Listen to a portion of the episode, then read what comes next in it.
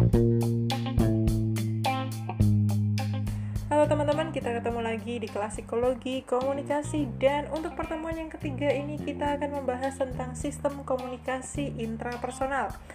Teman-teman yang udah punya buku silahkan dibuka di halaman 47. Nah seperti biasa ya teman-teman, hari ini kita akan ada podcast yang bisa kalian dengarkan yang udah punya buku silahkan juga dilanjut untuk membaca dan nanti ada forum juga yang bisa kalian gunakan untuk berdiskusi maupun kalian yang punya pertanyaan silahkan disampaikan. Untuk minggu ini nggak ada tugas atau yang biasa saya sebut ya tugas tapi nggak wajib untuk dikerjakan. Oke kita lanjut aja masuk ke materi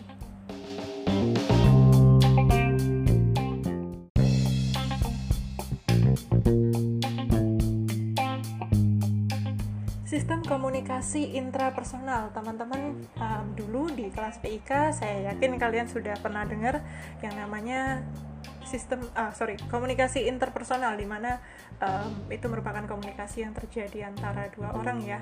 Nah kalau kita ngomongin soal intrapersonal kita tuh sebenarnya ngomongin tentang kondisi satu orang atau kondisi manusianya. Nah seperti yang sudah saya jelaskan di minggu kemarin atau uh, dua minggu kemarin ya kalau kita ngomong kalau kita belajar soal psikologi komunikasi kita akan banyak ngomongin manusia dari sisi komunikan Nah, kalau kita ngomongin soal sistem komunikasi intrapersonal, kita akan membahas tentang bagaimana orang atau komunikan itu menerima informasi, mengolahnya, menyimpannya, dan kemudian menghasilkannya kembali.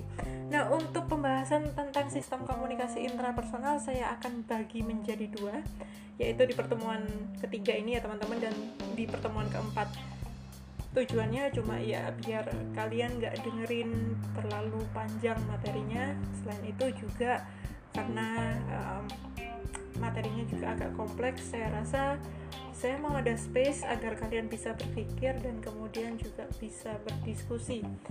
Nah untuk um, pertemuan yang kali ini atau di bagian pertama pembahasan tentang sistem komunikasi intrapersonal saya akan membahas dua topik yaitu sensasi dan persepsi.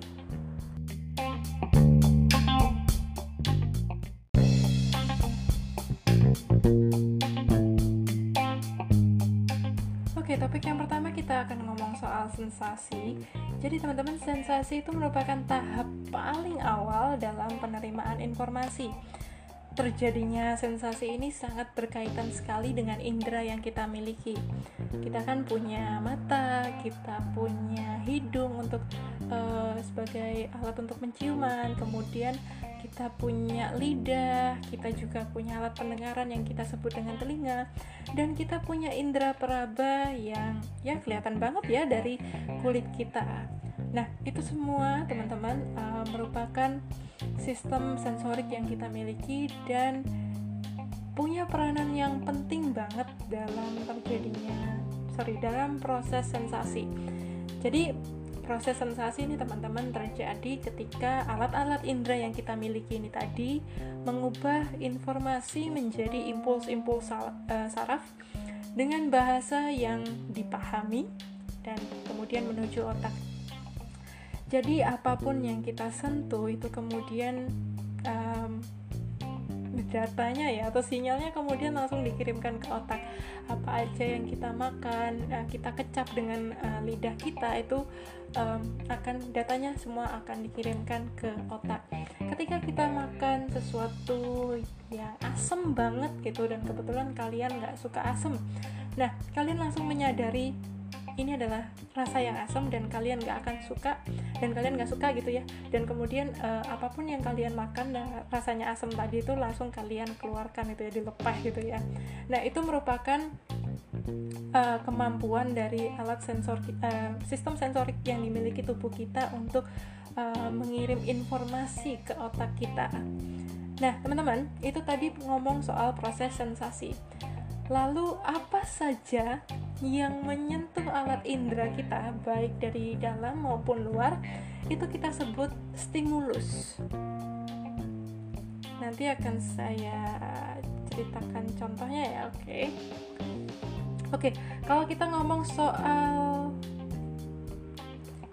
soal stimulus um, saya kasih contoh sedikit aja deh teman-teman jadi seumpama kalian lagi duduk di apa namanya di kursi kemudian di depan kalian itu ada meja dan di atas meja itu ada jeruk satu buah gitu. Nah, jeruk itu teman-teman anggaplah kita uh, kita sebut sebagai stimulus ya. Ketika kita menggunakan mata kita untuk melihat ke benda yang ada di depan kita atau jeruk itu tadi itu juga merupakan proses sensasi. Kita pegang jeruknya kita pegang benda itu kemudian uh, kita letakkan di tangan kemudian uh, dari kulit kita ini kita dapat merasakan permukaan kulitnya jeruk. Nah itu juga sensasi contoh sensasi. Ketika kita sudah dikupas ya kemudian kita makan jeruknya kita bisa merasakan gitu. Kalau uh, jeruk ini punya rasa yang manis. Nah itu juga proses sensasi yang dilakukan oleh lidah kita. Nah stimulusnya kita sebut jeruk itu tadi. Nah itu tadi kalau stimulus yang dari luar tubuh kita. Ada juga stimulus yang dari dalam tubuh kita. Misalnya perut yang keroncongan kemudian kerasa perih gitu ya perutnya. Kemudian um, apa namanya terasa gatal di kulit. Di kulit. Nah itu merupakan stimulus internal. Tapi stimulus ini uh, sorry proses sensasi ini berhenti di sini ya teman-teman. Uh, penjelasannya berhenti di sini. Kalau kemudian ada tafsir atau ada pemaknaan yang diberikan kepada stimulus itu kita lanjut ke proses selanjutnya yaitu persepsi. Proses sensasi ini teman-teman kadang cepet banget nggak sampai satu detik gitu sepersekian detik. Begitu luar biasanya uh, tubuh kita ini. Nah uh, ketika menjelaskan gini mungkin hmm, kalian agak susah ya membayangkannya karena prosesnya yang cepat ini tadi. Nggak apa oke. okay. Kalau kalian memang masih bingung nanti bisa menggunakan uh, fitur forum ya.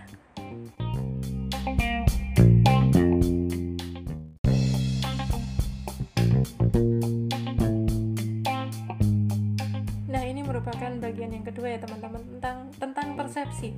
Persepsi itu dapat kita maknai sebagai pengalaman tentang objek, peristiwa atau hubungan-hubungan yang diperoleh dengan menyimpulkan informasi dan menafsirkan pesan. Jadi setelah sensasi, setelah sensasi itu terjadi kemudian ada proses yang mengikuti yaitu proses persepsi. Sederhananya teman-teman, persepsi ini merupakan proses pemberian makna pada stimulus. Nah, um, contoh saya tadi yang soal jeruk itu ya teman-teman. Um, kalian lihat uh, ada jeruk di meja. Persepsi kalian mungkin uh, ketika kalian lihat jeruk di atas meja persepsi yang mungkin kalian miliki adalah oh ini pertama adalah buah kalian mengenali uh, bahwa itu adalah buah dan kalian mengenali nama buah itu yaitu buah jeruk. Selanjutnya kalian mungkin akan berpikir gitu eh, ini buahnya siapa ya? Uh, dapat dari uh, apa namanya dapat dari kondangan apa gimana gitu. Nah uh, itu merupakan tafsir teman-teman. Ketika kalian mengupas jeruk kemudian memakannya dan kalian bisa merasa oh manis enak gitu. Kalian bisa bunyi kalau rasa jeruknya itu enak karena manis. Nah manis ini teman-teman rasa jeruk yang manis ini kemudian ditafsir menjadi rasa yang enak. Nah ini merupakan uh, persepsi ya teman-teman. Lalu contoh yang kedua yang tadi saya jelaskan yaitu tentang um, stimulus yang internal ya um, suara perut yang keroncongan. Nah tafsir kalian bisa ini adalah situasi di mana tubuh kalian lapar. Nah tafsir yang selanjutnya bisa jadi kayaknya tadi belum makan deh belum belum sarapan kemudian um, belum makan siang mungkin ini baru makan satu kali dalam sehari gitu. Nah itu merupakan persepsi yang kalian miliki. Soal persepsi ini teman-teman um, ada yang mempengaruhi persepsi ini bukan hal yang netral ya tapi banyak sekali yang mempengaruhi persepsi yang kita miliki atau setiap individu miliki. Persepsi yang dimiliki satu orang dengan lainnya pasti akan berbeda. Kalian punya persepsi uh, kal kalian punya persepsi yang unik dan meskipun kalian cocok kan dengan ibu kalian ya persepsi ini bisa jadi nggak sepenuhnya sama.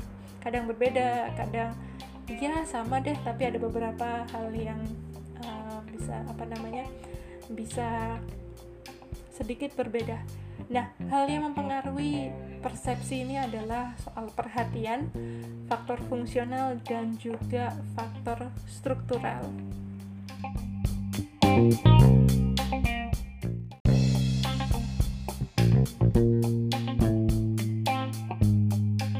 saya lanjut ya ke hal pertama yang mempengaruhi persepsi yaitu perhatian. Nah, perhatian ini adalah proses mental ketika stimulus atau rangkaian stimulus itu menjadi menonjol dalam kesadaran pada saat stimulus lainnya itu melemah. Contoh gampangnya ya teman-teman, ketika kalian lagi sibuk gitu scrolling di Instagram lagi ngeliatin foto-foto kemudian lagi ngeliatin banyak sekali katalog uh, apa namanya katalog uh, belanjaan atau lihat foto-fotonya idol kalian. Kemudian ibu kalian manggil tuh dari dapur. Nah sebenarnya suaranya uh, cukup kencang ya tapi bisa jadi kalian itu nggak mendengarkan karena telinga kalian itu uh, sorry mata kalian itu lebih fokus melihat apa yang ada di layar handphone kalian gitu. Begitu juga uh, telinga kalian, kalian gunakan untuk mendengarkan eh, video-video uh, yang mungkin kebetulan ada waktu di waktu kalian scrolling Instagram itu.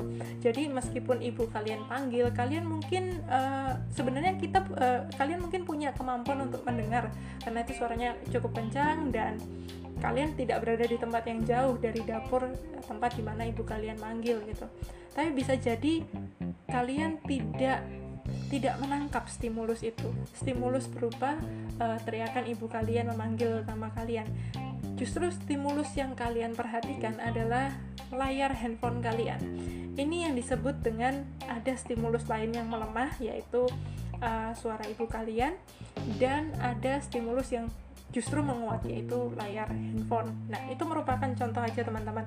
Um, sebenarnya perhatian itu dibagi lagi menjadi faktor eksternal dan juga faktor internal. Faktor eksternal yaitu seperti gerakan, kemudian intensitas stimuli, uh, kebaruan, dan juga pengulangan. Um, contoh lengkapnya bisa uh, penjelasan lengkapnya ada di buku tapi saya kasih contoh aja ya di sini seumpama gerakan gampangnya ketika kalian lagi uh, di luar kemudian kalian ketemu teman kalian um, di, tengah, di tempat eh, nggak uh, sengaja ketemu teman kalian di uh, tempat umum gitu ya teman teman kalian akan melambaikan tangan ke kalian seumpama itu kalian akan menyadari bahwa ada sesuatu yang gerak tuh kayaknya kayaknya ada orang lagi dada-dada ke uh, melambai, melambaikan tangan ke arah, ke arah saya gitu. Nah, kalian akan menyadari itu sebagai sebuah stimulus gitu. Dan itu menjadi lebih menarik daripada orang-orang lain yang tangannya nggak dibuat melambaikan tangan ke kalian. Nah, itu merupakan stimulus yang kuat karena yang lainnya nggak ada yang melambaikan tangan, cuma orang itu saja atau teman kalian. Lalu ada intensitas stimuli. Nah, ini um, berkaitan banget ya kalau kita ngomongin soal iklan gitu.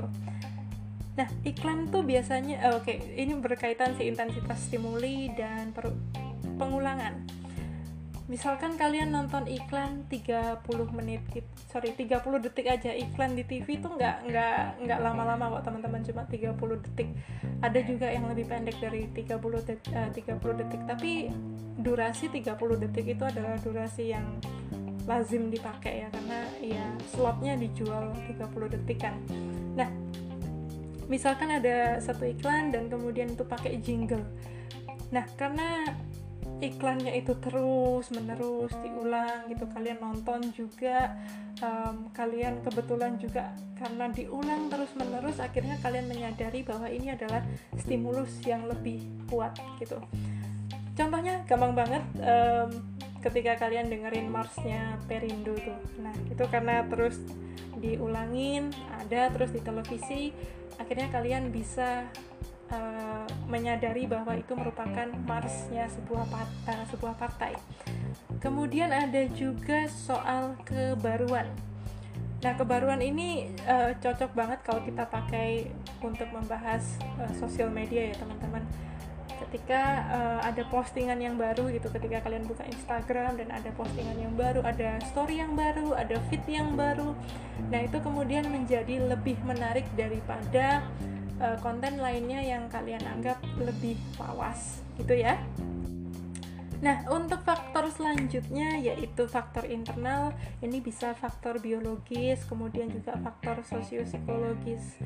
Nah, seumpama faktor biologis gitu. Ketika kalian uh, lagi dengerin podcast ini tapi kondisinya kalian lagi lagi lapar nih gitu. Siapa yang di sini ada yang lagi lapar mungkin um, situasi-situasi seperti ini teman-teman lapar, ngantuk itu membantu uh, bisa mendistorsi mendistorsi gitu ya mendistorsi uh, perhatian kita yang kalau misalnya dalam situasi yang fit atau lagi nggak ngantuk gitu ya lagi melek banget kemudian nggak lapar juga otomatis perhatian kita bisa sangat terfokus pada satu stimuli. Tapi ketika kita lapar ngantuk akan sangat sulit sekali untuk memberikan sebuah perhatian pada stimuli. Yang kedua yaitu tentang faktor sosiopsikologis. Masih di faktor internal ya teman-teman. Nah faktor sosiopsikologis ini contoh gampangnya um, setiap orang itu pasti punya perhatian yang beda-beda punya kemampuan memperhatikan stimulus yang berbeda-beda. Misalkan uh, di suatu kejadian contoh yang ada di buku itu um, sebuah kejadian pembunuhan kalau nggak salah jadi ada sebuah peristiwa dan ada banyak orang di ruangan itu. Ada sebuah peristiwa yang terjadi di ruangan dan ada banyak orang di dalam ruangan itu, tapi tidak satupun orang di ruangan itu yang punya cerita yang utuh. Semuanya punya versi masing-masing. Nah, ini merupakan faktor internal ya, teman-teman. Kenapa sih uh, orang itu bisa punya persepsi yang beda-beda? Ini nanti akan lanjut ke faktor fungsional dan juga faktor struktural.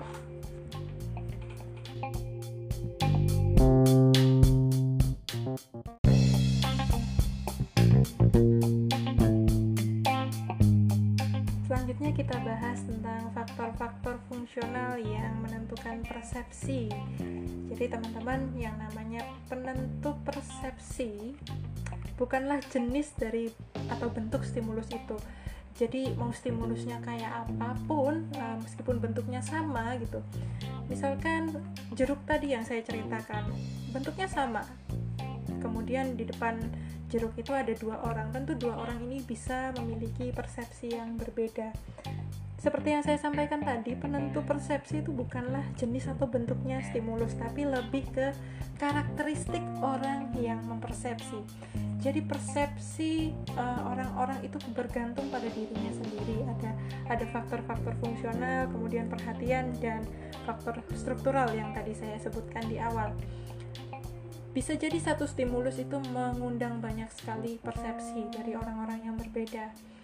Nah, karena keberagaman ini ada ada keberagaman ini tadi ya teman-teman um, ada satu stimulus bisa jadi persepsinya beragam nah um, persepsi yang beragam ini bisa tergantung pada nilai sosial suatu objek. Bisa jadi juga karena suasana mental bisa jadi juga karena uh, pengaruh kebudayaan. Misalkan um, saya contohkan di sini soal emas teman-teman.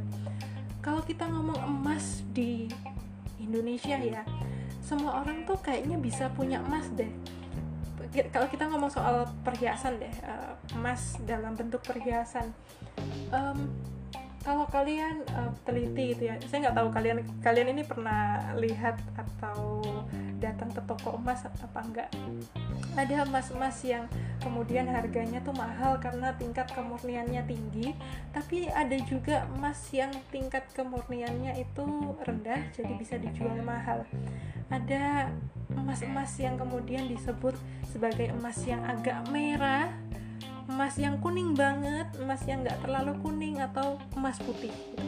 Ada banyak sekali jenis emas di Indonesia ini ya kalau kita ngomong soal emas sebagai perhiasan.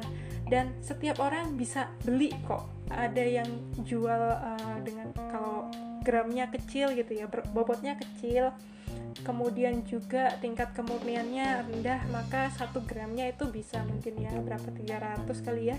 Kalau yang uh, tingkat kemurniannya tinggi kalau sekarang bisa sampai 700 kalau nggak salah. Nah bagi kita ya itu perhiasan aja. Untuk bagi uh, bagi beberapa orang uh, emas itu dipersepsi sebagai sebuah bentuk investasi. Sebagian orang lain beranggapan bahwa ini adalah kado gitu. Bisa jadi uh, kado atau orang-orang lain juga bisa beranggapan bahwa emas itu ya hanya pilihan logam uh, untuk perhiasan gitu logam yang dipilih karena nggak bikin alergi di kulit gitu.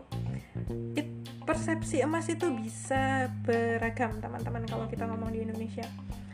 Um, saya pernah saat itu pakai ya an, saya punya emas ya cuma di anting saya ini sih sebenarnya.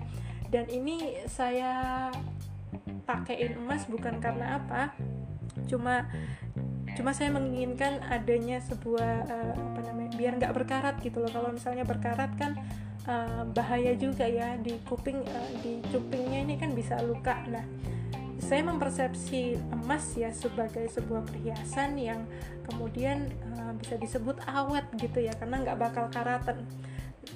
Nggak bakal karatan sorry. Nah ketika saya uh, tahun lalu main-main ke India ketemu teman saya saya nggak uh, begitu kaget sih lihat, lihat teman saya saat itu perhiasannya banyak. Dia pakai anting kemudian ada tindik juga di bagian telinga yang atas tuh ya. Kemudian dia pakai kalung gitu yang merupakan um, mahar yang dia terima gitu dari suaminya. Kemudian ada gelang juga ada cincin ada gelang kaki banyak sekali ya saya sih lihatnya biasa aja karena di Indonesia banyak yang kayak gitu. Um, pakai kalung ada perempuan yang pakai kalung pakai cincin juga pakai gelang pakai anting semuanya dari bahan emas dan itu hal yang biasa banget.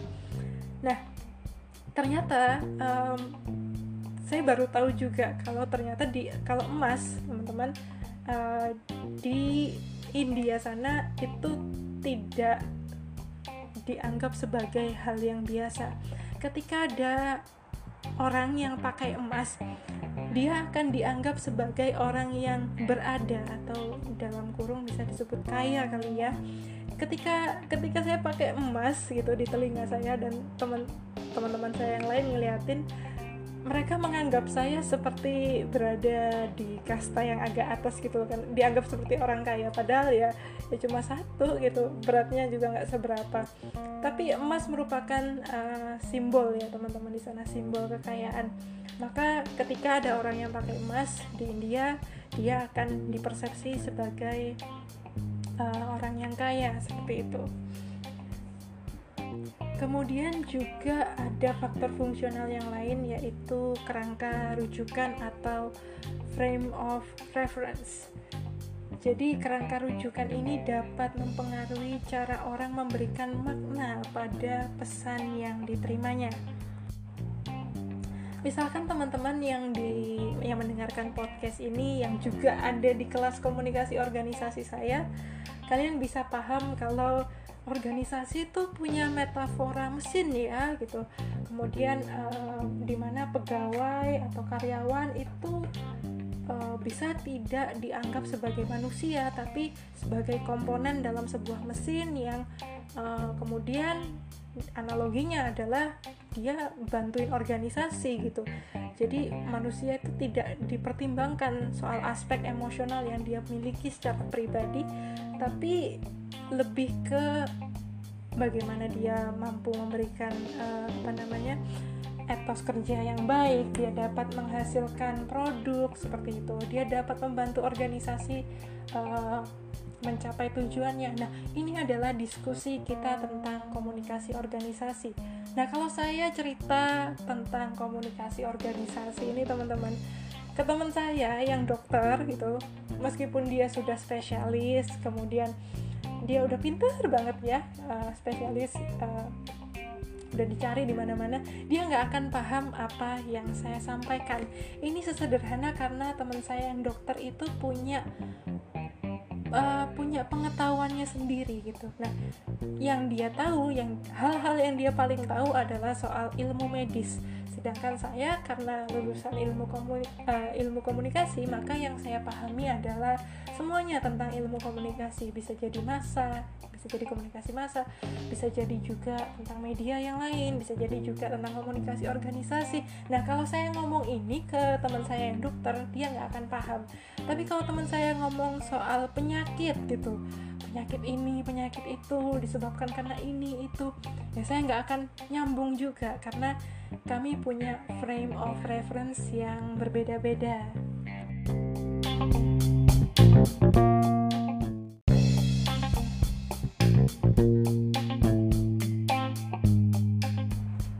selanjutnya tentang faktor-faktor struktural yang menentukan persepsi. Nah, teman-teman, ketika kita mempersepsi sesuatu ya atau sebuah stimulus gitu, kita pasti akan cari struktur yang lebih gede lagi.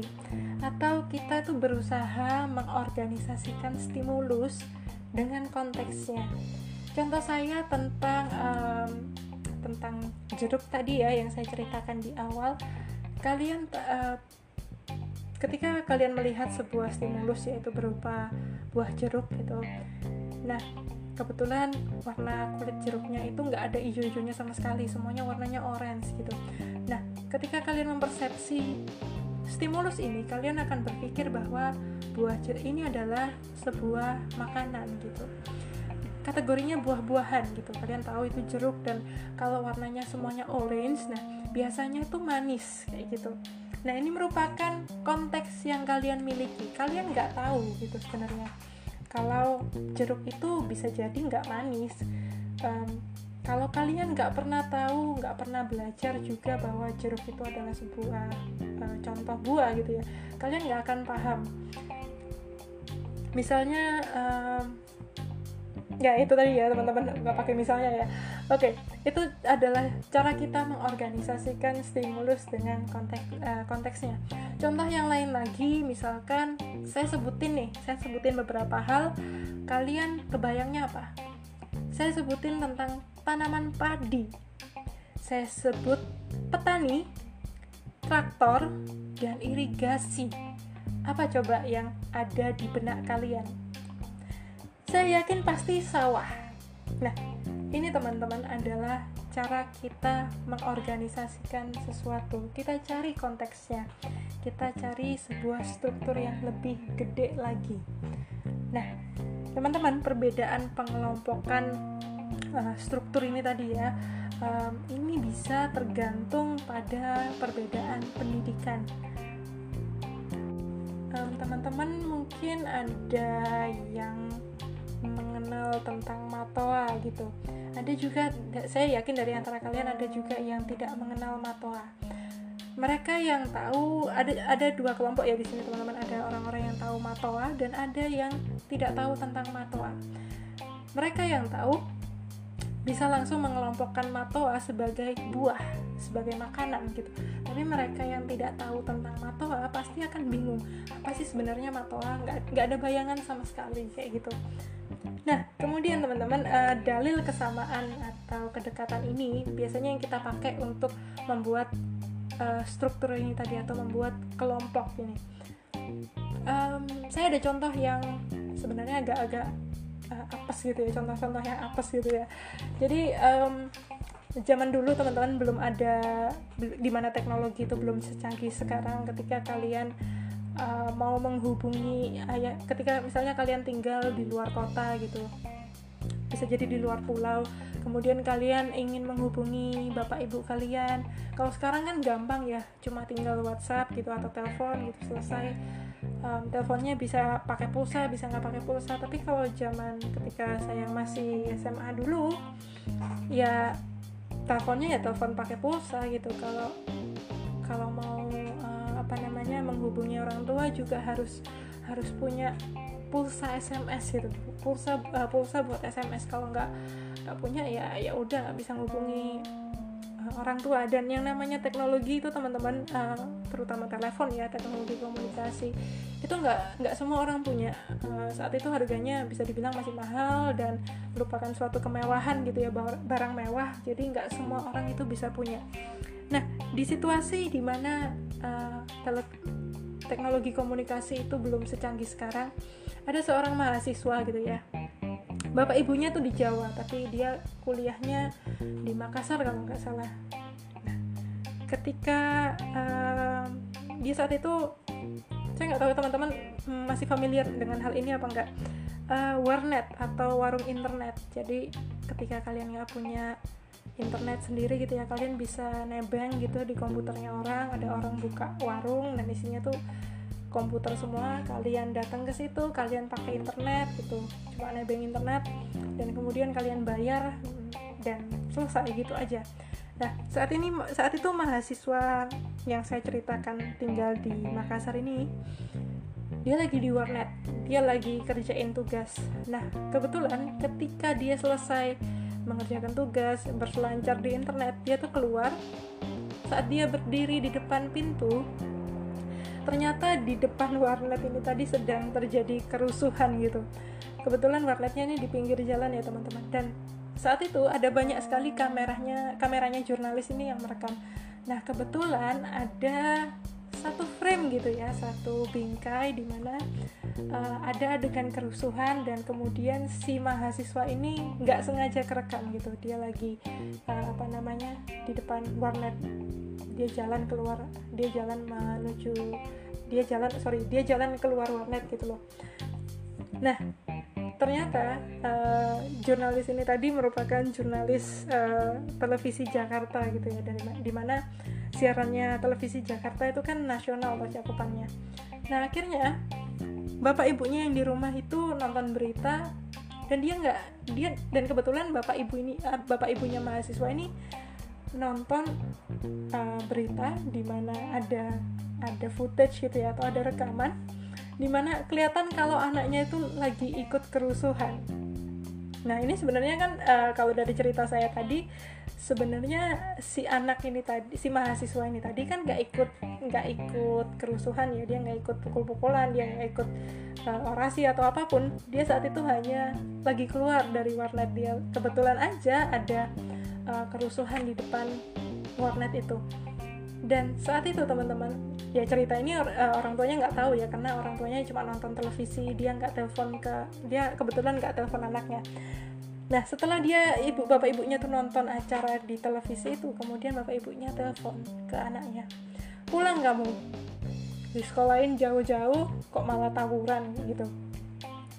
Nah itu merupakan uh, salah persepsi yang kemudian um, terjadi ya teman-teman karena kesamaan bahwa kelihatannya anak itu tadi ikutan ikutan jalan gitu ikutan jalan dengan masalah yang lain. Nah itu kemudian dianggap sebagai kerusuhan atau anaknya ini tadi dianggap sebagai uh, peserta kerusuhan gitu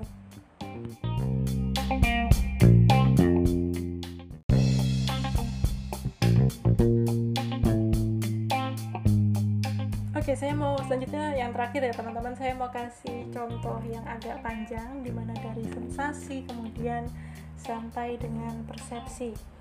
Um, saya nggak tahu kalian ketika ngaca di depan cermin yaitu menganggap diri kalian mirip siapa. Um, tapi inilah struktur muka saya teman-teman yang sudah pernah ketemu saya di kelas pasti uh, beberapa dari antara kalian ada yang berpikir bahwa saya punya saya keturunan Chinese gitu ya. Karena saya punya mata yang sipit gitu. Uh, mungkin beberapa dari antara kalian juga berpikir kalau saya mungkin ada turunan Kalimantan atau uh, Manado seperti itu. Nah jawabannya enggak teman-teman. Uh, saya terlahir dari keluarga Jawa gitu. Dan kebetulan saja saya punya mata yang sipit gitu. Nah ketika saya pergi ke India tahun lalu lagi-lagi ceritanya dari India ya tapi ya ini salah satu uh, contoh yang menarik aja teman-teman. Saat itu saya lagi di bandara teman-teman. Uh, saya mau balik ke Indonesia. Kebetulan bandara itu adalah bandara di uh, negara bagian yang kecil gitu ya. Uh, bandaranya Raipur saat itu. Jadi saya nungguin pesawat dan saya kebetulan aja gitu duduk di jarak dua baris gitu ada nenek-nenek India gitu. Waduh saya sebenarnya udah ngeri gitu kalau ditanyain matilah nanti mau jawab apa? gitu loh. Saya kan nggak bisa bahasa India. Lalu kemudian si nenek ini uh, skimming gitu ya. Dia dia lihat dari atas ke bawah atas ke bawah ngeliatin saya gitu. Saya agak bingung juga sih nggak nyaman juga kan diliatin seperti itu. Lalu dia mulai nanya ke saya uh, nanyanya dalam bahasa India sih. Uh, bahasa Hindi sorry. Tapi untungnya um, saya sering nonton film India jadi saya sedikit paham apa yang ditanyain sama nenek ini. Dia tanya ke saya menggunakan bahasa Hindi kamu mau ke mana? Gitu. Itu saat itu pertanyaannya. Tapi karena saya nggak bisa bales ya pakai bahasa Hindi jadi saya bilang uh, pakai bahasa Inggris. Saya bilang so, uh, maaf saya nggak bisa bahasa Hindi gitu nah uh, saya sih bingung aja ya kok kok dia bisa bisanya uh, ngajakin ngomong saya gitu. Apa saya ini nggak kelihatan bule banget gitu nggak kelihatan orang asing gitu? Nah ternyata enggak teman-teman. Uh, saya tanya ke teman saya saya cerita pengalaman saya ini. Uh, teman saya bilang iya muka muka mukamu itu bukan muka uh, sorry muka muka muka muka uh, sorry wajah seperti wajahmu itu adalah wajah wajahnya orang uh, India bagian bagian selatan kalau nggak salah. Mirip banget. Jadi perbatasan antara India dengan Cina itu negara-negara eh sorry. Kalau kalian pernah nonton uh, Three Idiots? Uh, kalau kalian pernah nonton Three Idiots itu ada set di mana mereka di kayak ada gurun pasir gitu ya tapi ada danau di tengahnya. Nah itu di Ladakh uh, kebetulan uh, kata teman saya wajah saya ini mirip orang sana. Jadi perbatasan antara Cina dan India. Oleh karena itu uh, nenek ini tadi ya saya pikir wajar juga kalau dia kemudian tanya ke saya menggunakan bahasa Hindi gitu. Siapa tahu saya bisa jawab gitu kan. Karena bagi nenek ini kok kayaknya kamu tuh orang India gitu dari mukamu.